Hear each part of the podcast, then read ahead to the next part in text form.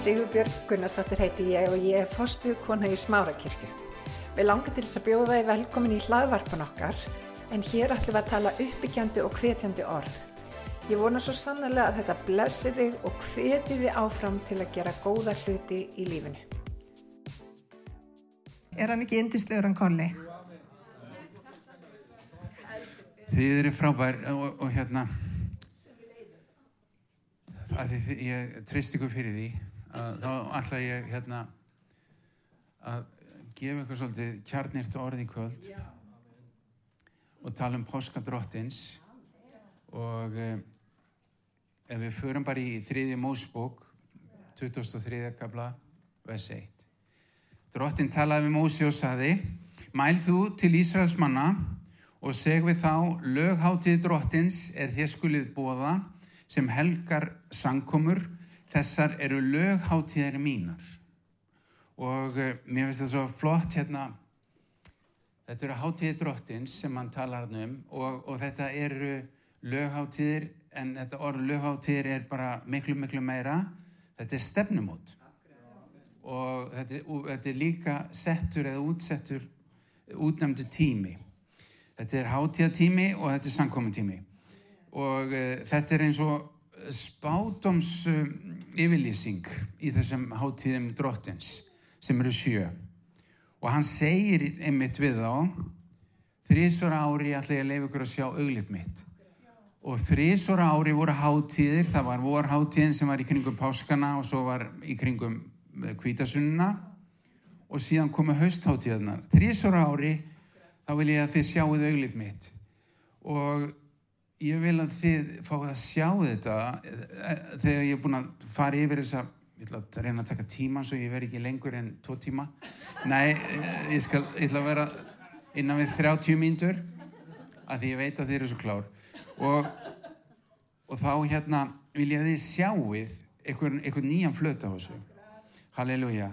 Og ef við förum í, í hérna e, glæruna með hátíðunum og við erum með þær hérna uppi þá er það eh, vorhátíðarnar sem eru hérna fyrst og, og eru uppfylltir spátumar því að hátíðarnar sjö eru bara spátumseyfilýsingum það sem að drottin er að að gera. Og páskarnir páskar því það náttúrulega Pesja er framhjáganga og er burtförin á Egyptalandi og það er náttúrulega krossfesting Jésu Krist og, og hérna og döiði og, og, og, hérna greftrun. Síðan kom hátíðina á ósýru brauða hérna samhlega því og, eh, og var í sjö daga. Og Jésús er brauði lífsins án syndar og, súrbrauð var mynd upp á syndina. Og síðan kom hátíð frumgróðans sem er í dag. Það er ekki páskar í dag. Ég ætla aðeins að eðlika þetta fyrir ykkur en, en það er hátíð frumgróðans og þá var sagt frumgróðin veif, veifað fram með fyrir Guði. Það var uh, hérna uppskeran fyrsta uppsker ásins það var byggið. En á þessari hátíð reysi Jésu upp. Og þá þú veist, hann var frumgróðu upprysunar og, og, og við leistumst inn í það fyrirheit. Á eftir honum komum við. Amen síðan koma, kemur þessi viknaháttíð sem er 50 dögum eftir frum, frumgróðháttíðina sem er kvítasunnan heilagrandi fjall. Lögmáli var gefið á Sínæi og þá dói 3000 manns þegar lögmáli var gefið. En þegar heilagrandi fjall þá voru 3000 sáli sem að frelsuðust. Þá kom líf. En síðan koma haustháttíðnar og þá svo fyrsta er básunaháttíðin og það er sem sagt við endur komið drottins þá er það básuna drottins sem hljómar og við fyrir til fundar við hans í skíjónum Amen. Og síðan kemur friðþængadagurinn Jón Kippur og þá er það eilíf endurlust þá er ekki bara þetta lengur um líf og döða og við erum að berjast í synd og, og, og holdið og allt það heldur það er eilíf endurlust hugsið ykkur hvernig þetta verður. Það er eilíft fagnarár og, og síðan förum við inn í e, lögskólaháttíðina sem að þú stóra ríkið og eilíðin og þá dvelur Guð með okkur. Og hugsið ykkur hvernig þetta verður. Og maður verður bara vá. Og þetta er, þessar hátíðir er náttúrulega bara svona spámanlegar skuggamyndir af uh, því sem koma skildi í gegnum Jésu Krist og uppfyllast hjá honum. Og Jésu er í Gamla testamentinu spáð um 465 sinnum 465 spátumar sem koma. Og þeir eru megnaðum komnir í uppfyllingu en hann á eftir að koma tilbaka. Og það er það, er það sem er framöndan hjá okkur. En um, það, það, það sem við erum að vænta við erum að vænta þessar þrjár haustháttíðir að það er gangi í uppfyllingu og byrja með básuninni halleluja. En við ætlum að fara í fyrstu háttíðana í páskana og uh, það er í annari Mósebók, 12. kabla og fyrsta veðs, drottin saði við Mósi og Aron í Egiptalandi þessi mánuður skal vera upphastmánuður hjá okkur Guð hefur gaman að því að brjóta svolítið regluna þetta var ekki upphastmánuður heldur haustmánuðurinn í Tísri þetta var Nísan mánuður, og hann var gerður bara upphastmánuður og, og svo segir hann í 15. veðsi lampið skal vera lítalöst vetu gammalt hrútlamp Þið getur valið það annarkort úr söðfjö eða geitfjö og þið skuli gæta þess til 14. dags þessa mánadar. Sankoma alls Ísrael skal slátra því í ljósaskiptunum. Þeir skuli taka dálítið af blóðinu og rjóða því á báða dýrastafina og dýratrén í húsunum sem þeir eta það, það, það sem þeir eta lampið. Þeir skulu neyta kjöt, kjötsinn sömun ótt og þeir eiga elda það steikt við eld með ósýrðum brauði og beiskum júrtum etið ekkit að því hrátt eða svoði í, í vatni heldur steikt við eld á samt haus, fótum og innublum þetta er bara íslenskt. Heyrðu, og þeir með ekki leifa neina því til næsta morguns. Það sem kann að vera eftir næsta morgun skulu þið brenna í eldi.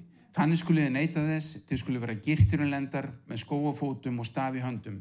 Þeir skulu eta það í flíti það eru páskadróttins og páskadróttins er þess að í þessum mánuði nýsan og eh, tíunda, eh, sem sagt, eh, tíunda nýsana þá er lampi valið. Og, og, og það er sem sagt þessi mánuður, nýsan er líka stundu kallað kraftaverkamánuður. Því að það gerðust ákveðin kraftaverk fyrir krossfestinguna hjá gíðingunum en það gerist ekki eftir krossfestinguna það gerist eitthvað við krossfestinguna og gíðingarnir er svolítið svona já, spurjandi við því En ok,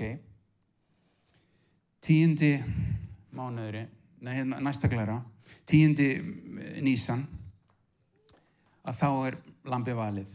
14. nýsan fyrir sólsittur á milli 3 og 5, að þá er lampinu sládrað. Og ég eftir því að dagurinn byrjar alltaf klukkan 6 á kvöldi hjá gýðingum, þá byrjar nýrdagur. Þannig að, að páskarnir byrjuðu þannig að 15. Nís, nísan við sólsettur eða sem sagt klukkan 6 og þá borðuðu lampið. Þeir tóku blóðið, settu þannig á dýratrén og dýrastafina og það er mynd upp á það að við erum frelsuð fyrir blóðlamsins. Engil döðans gekk fram hjá. Og síðan var lampið steikt í eldi, lampið guðus er náttúrulega orðið og við hefum að taka móti orðinu steikt í eldi og bara drottingi okkur hungur fyrir sannleikonum, bara hungur og þost eftir sannleikonum. Og þá ætti að vera etið með sýrðum brauðum og beiskum júrtum og etta all lampið. Og uh, við höfum að láta eld heila sanda ofinbara orðið fyrir okkur.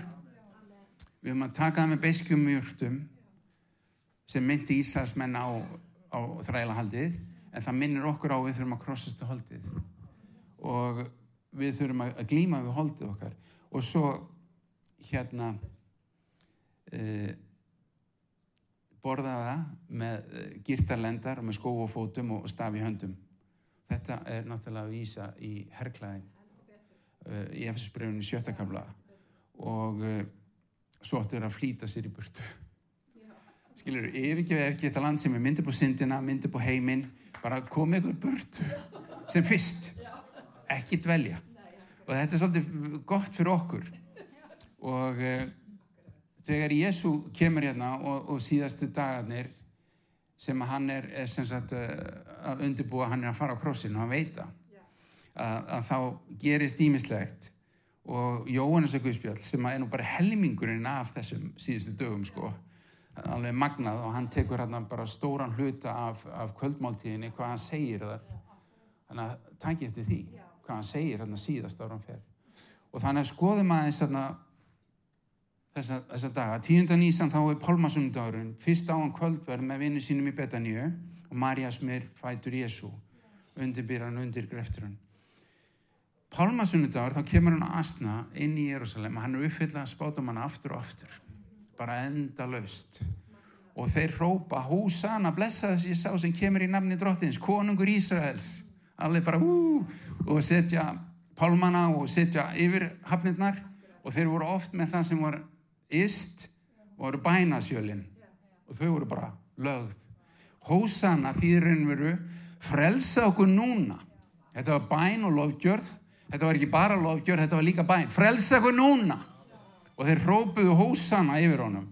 Þeir, þeir raun og veru voru að spá, en vissu það ekki nákvæmlega. Halleluja. Síðan hreinsaramusturinn og uh, þetta er sami dagur og Ísraelsmenn fór yfir Jórdan. Það eru umskipti. Halleluja. 11.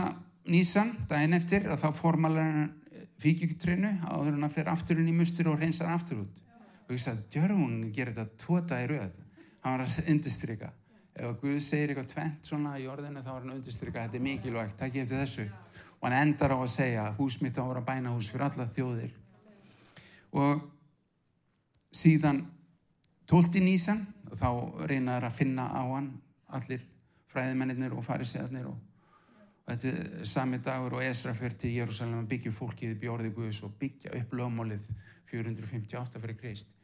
Svo kemur 13. nýsan, þá er hann í húsi Símanar Líkþráa og þá kemur kona að helli smislum yfir höfuð hans. Og þetta er sami dagur og Júdas ákveður að svíkja Jésu fyrir 30 silvupenninga. Þetta er sami dagur og Haman ákveður þjóðamörð og gýðingum á dögum estirar 474 fyrir Krist og þetta er sami dagur og þessi báðir, Jútas og Haman önduðu báðir í gálgán þess að hengtir og er það tilviljun hugsa ykkur hvernig Guð setur þetta upp sko. og síðan kemur aðfangadag á páska 14. nýsan já hann er hérna og þá gerist hellingur. Það er kvöldmáldinn, hann ofinbæra brauðsbrotninguna og hann talar heldubötur yfir þeim um kjallegana og eininguna og allt það. Takk eftir þessu strókar. Takk eftir þessu og gerir þetta þá fallið aldrei. Og, og svo framvegis. Þetta er alveg magnað. Og síðan er hann handtekinn eftir miðnætti í Getsemanni og hann er, far, hann er bara það strax í nóttina er hann littur til Æðstapress eh, sem var ekki æðstapresstur, hann var fyrirvænandi æðstapresstur bara hafði svo mikla virðingu Svo fór hann til Kaifas, æðstaprest sem var virkur þá. Síðan til uh, Sanhedrian eða ráðið, gýðingaráðið, 70 mannar ráðið. Og þetta var allt í nóttina, svo bara 6 um morgunin þá að koma til Pílatusar. Og þá er Pílatus í vandræðum því hann sá ekki sökina. Og hann reyndi að leysa hann og svo, heyrðu hann frá Gallu, Herodes er hérna í Jérúsalem, sendum hann þangað. Og, og hann fer þangað og Herodes var bara kjánalegur og sendur hann aftur tilbaka. Vildi að hann gerði ykkur kraftverk en síðan kemur hann aftur til Pílatusar og þá er pressan svo mikil og þrís var reyni Pílatusar reyna að láta hann sleppa fólki hrópar krossfestu hann bara brjálað. Og henda með hann gefur eftir og hann er krossfestu klukka nýju og hann deyr eftir klukkan þrjú. En á milli tólf og þrjú er eitthvað skrítið að gerast vegna þess að það er myrkur. Og það er ekki sólmyrkvi því að sólmyrkvi er bara tvær til átta myndur ekki þrý klukktímar og það er meirins að ekki, þetta er ekki bara ritað um þetta í biblíunni heldur sagnarritar rómvera rituð um þetta þannig að þeir voru að furða sjá þessu Þannig að þetta er magnað hvað, hvað Guð er alveg ótrúlegur. Já, og ljósið var tekið nákannlega. Og síðan er hann grafin fyrir átjón og það var pressa á hann og er í grafin fyrir átjón eða við klukkan 6. Út af því að þá kom helgu dagur, 15. nýsan, gekk í garð. Það var mjög helgu dagur hjá gýðingum og, og þá sem sagt er hann komin í gröfina og þeir etta páskalambið með ósýrðum bröðum og biskingjöldum og þegar, þegar Jésu er að degja krossinum þá er verið að slátra þúsundum lampa um, um Jérúsalem hugsið ykkur en lampi Guðs var að taka á sig syndir okkar. Þetta er magnað sko. Og síðan, þremtugum síðar átjöndan Ísan þá er frumgróðháttíðin hún er alltaf daginn eftir kvildardaginn þannig hún er ekki alltaf þetta er ekki alltaf á sama degi en þarna þegar Jésu degir að þá er þetta svona. Átjöndan Ísan að þá er frumgróðháttíðin þá koma konurna með smislinn fyrsti dag af vikurnar gröfinni tóm og hinn upprýstni Messias ofinberast og Marja Magdalena sem var við krossin sem að Jésu listi undan sjö yllumöndum hún er fyrst af gröfinni eldsna með morgunin það er myrkur. Og hún sér að steinnin er farin hún sér að hann er ekki þarna. Hún hleypur heim aftur eða til Pétus og segir Pétur frá, frá því. Og, og Pétur og Jónes hlaupa að gröfinni. Hún á eftir og, og fleiri konur. Og hún, þannig annarskiptið hún kemur og þá er hún síðust eftir þegar allir eru farnir og hún er grátandi og þá kemur til hennar Jésús og þá sér hún hann fyrst af öllum. Og ég að hvað átti hún sem að var svona frábært? Og, og við þurfum eignast dag, við þurfum að sjá Jésú og eiga þessa ástriðu hún var bara eins og stræt og fram og tilbaka þarna morguninu að gröfinni skilur og hún fara að sjá hann og hann segir ekki snerta mig, ég er ekki búin að fara upp til föðurins. Og, og þetta er allt, allt ákveðna merkingu og síðan fer hún svo kemur hún aftur með aðra Maríu Maríu trúlega uh, hérna mömmu Jakobs uh, hérna Alfeðarssonar og þær koma hana og þær fá líka sjá hann og þá máttu það snertan vegna þess að hann var búin að fara fram fyrir föðurinn með blóði sem er öll og, og þú veist sem er eilíft blóð upprössu blóðið og fórt fara í eiskipti fyrir öll Amen, fyrir okkur. Amen. Dísi Guði, halleluja. Ég hef smá tíma í viðbót. Halleluja. Og ef við förum í Jóhannes 19 og 19. veist, þá, þá er það, já, þá er það Pílatur sem hafi ritað yfirskrift og sett hann á krossin. Og þar stóð Jésús frá Nazaret, konungu í Gíðinga og margi gýðingar lásuð þessa yfirskrift því að staðurinn þar sem að Jésu var krossistur var nærri borginni. Og þetta var ritað á hebræsku, latín og grísku vegna þess að það eru þessi þrjú tungumál sem voru töluð í Jérúsalem á þeim tíma. Og, og þá sögðu æstu prestarnir eða æstu prestagýðinga við Pilatus skrifaði ekki konungu gýðinga heldur hann að hafi sagt ég er konungu gýðinga og Pilatus svaraði það sem ég hef skrifað það hef ég skrifað og hann bara, nú, nú er komið nóg sko, mér finnst það svolítið gott sko. En hvers vegna voru þeir að pyrrast þessari yfirskrift? Og þarna er þetta er yfirleitt ekki nelt á krossin þetta er yfirleitt að setja á eitthvað skilti við hliðin á krossinum á eitthvað stein eða svo leis og, og því að þetta er það mikið texti þetta er á þrejum tungumálum. Og við þekkjum kannski í latnesku skamstöfunna innri sem að er náttúrulega út frá þessum fjórum orðum þó að þessi fimm orð í íslenskunni Jésu frá Nazaret, konungu gýðinga en á hebresku þá er það annað. Og það er komið þarna upp.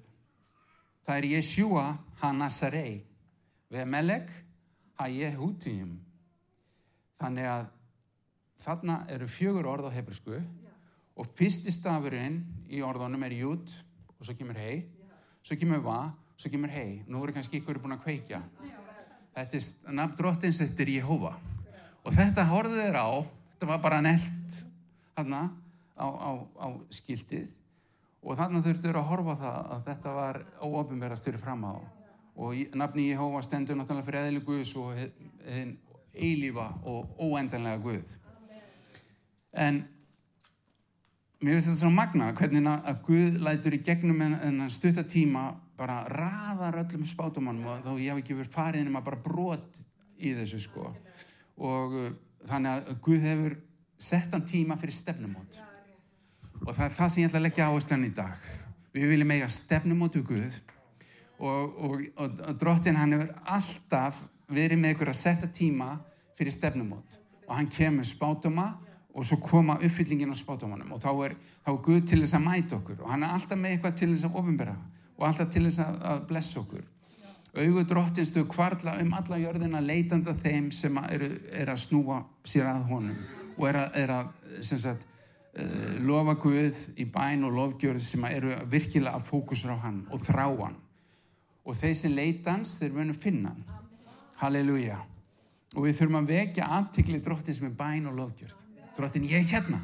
Við erum og Marja Magdalena drottin hvar ertu? ég er hérna. Þú varst hérna í gröfinni sko. Og þú veist, finna staðinn þar sem að við, við sem sagt, getum hittan og það er þetta sem skiptir máli. Og kirkjan er eins og ég segi stundum á þriðadegi þegar eins, eins og brúkupið í kana það fekk að þriðadegi þegar allt víni var búið þá kom besta víni síðast. Og úthelling heila sanda í endatímanum á hennum þriðadegi verið best það verið eitthvað vín sem að þetta er bara aldrei ekki stáður nei þannig er Guð. Og hann geymir það besta þangar til að síðast. Og, og til þess að minnst ekki að vitinguðus hann þurfum við að staðsetja ykkur rétt. Og ég geti hugsað þetta svona svolítið eins og býða eftir lest eða eftir strætó. Og við förum ekki á vittlust að stoppustu við ætlum að taka lestina þú veist, eitthvað. Fattiði mig. Og hérna þá þurfum við á réttu stað og þá þurfum við að býða á réttu stað. Og, við, og ég veit að við höfum beðið ykkur, ykkur staðar eftir strætó til dæmis eða eftir lest. Að, að þá, þá skiptir máli að passa upp á það að maður sé á réttum stað. Amen. Og, og, og þegar við erum að býða eftir því að verði stefnumót þá þurfum við að helga okkur Guði. Við þurfum að auðmyggja okkur. Við þurfum að, að yðrast við þurfum að, að læja okkur og deyja sjálf um okkur og vera ofinn fyrir því hvað heila randi vil gera. Vegna þess að heilarandi hann lífgar allt og hann ofinberar og hann gefur okkur andarspeki ofinberuna svo við, við, við vitum hvað við erum virkilega að gera. Halleluja. Og, og þannig er drottin ef hann er að fara að gera eitthvað þá ofinberar það alltaf fyrir þjónu sínum og spámanum hvað er framöndan halleluja. Þannig að vitið það við kannski lítum yfir Guðs líð í dag og segjum já, þetta, þetta er nú ekki gæfulegt sko. En það er miklu meira falið í þessum hóp. Og ég er að horfa á það. Það er falin fjássjóður og hann mun ofinberast þegar sprengingi verður þegar þetta nýja vín kemur. Þá verður, hafið tekið eftir að henn prúðustu menn þegar það verður dröknir það því lík lætist en svona bara sem líkingu sko. En, en, en þannig verður þegar heila randi kemur og, og kveikir í öllu dótinu sko. halleluja. Hann er hold okkar bara þarf að deyja og við þurfum að, að hérna, virkilega staðsetja okkur og vænta þess að Guð sé að fara að gera nýja hluti. Þegar nú er sko tími til þess að, að, að rýsa upp þú veist, blása til föstu og bænar og yðrunar og, og, og hérna undirbóku fyrir vitjum Guðs vegna þess að Guð ætlar okkur ætlar okkur svo stórkostlega hluti og, og hann ætlar kirkjunni svo stóra hluti að ég held að við verðum svolítið svona hissa. Ok, ég átti ekki vona þessu. Þetta var svona, ég átti vona einhverju en ekki þessu, skiljiði þannig að mér langaði svona bara skilja þetta eftir ykkur og gefa ykkur svona smá trú og því sem að Guð getur gert. Fyrst að hann fór þessa leið fyrir 2000 árum og hann ætlar að gefa það besta í endatímanum. Og hann mun taka um stóra uppskýru áður hann kemur tilbaka því hann hefur hjarta fyrir öllum að, að fólk komist til trúar á Jésu Krist. Þess vegna mun hann koma með endatíma uppskýru Amen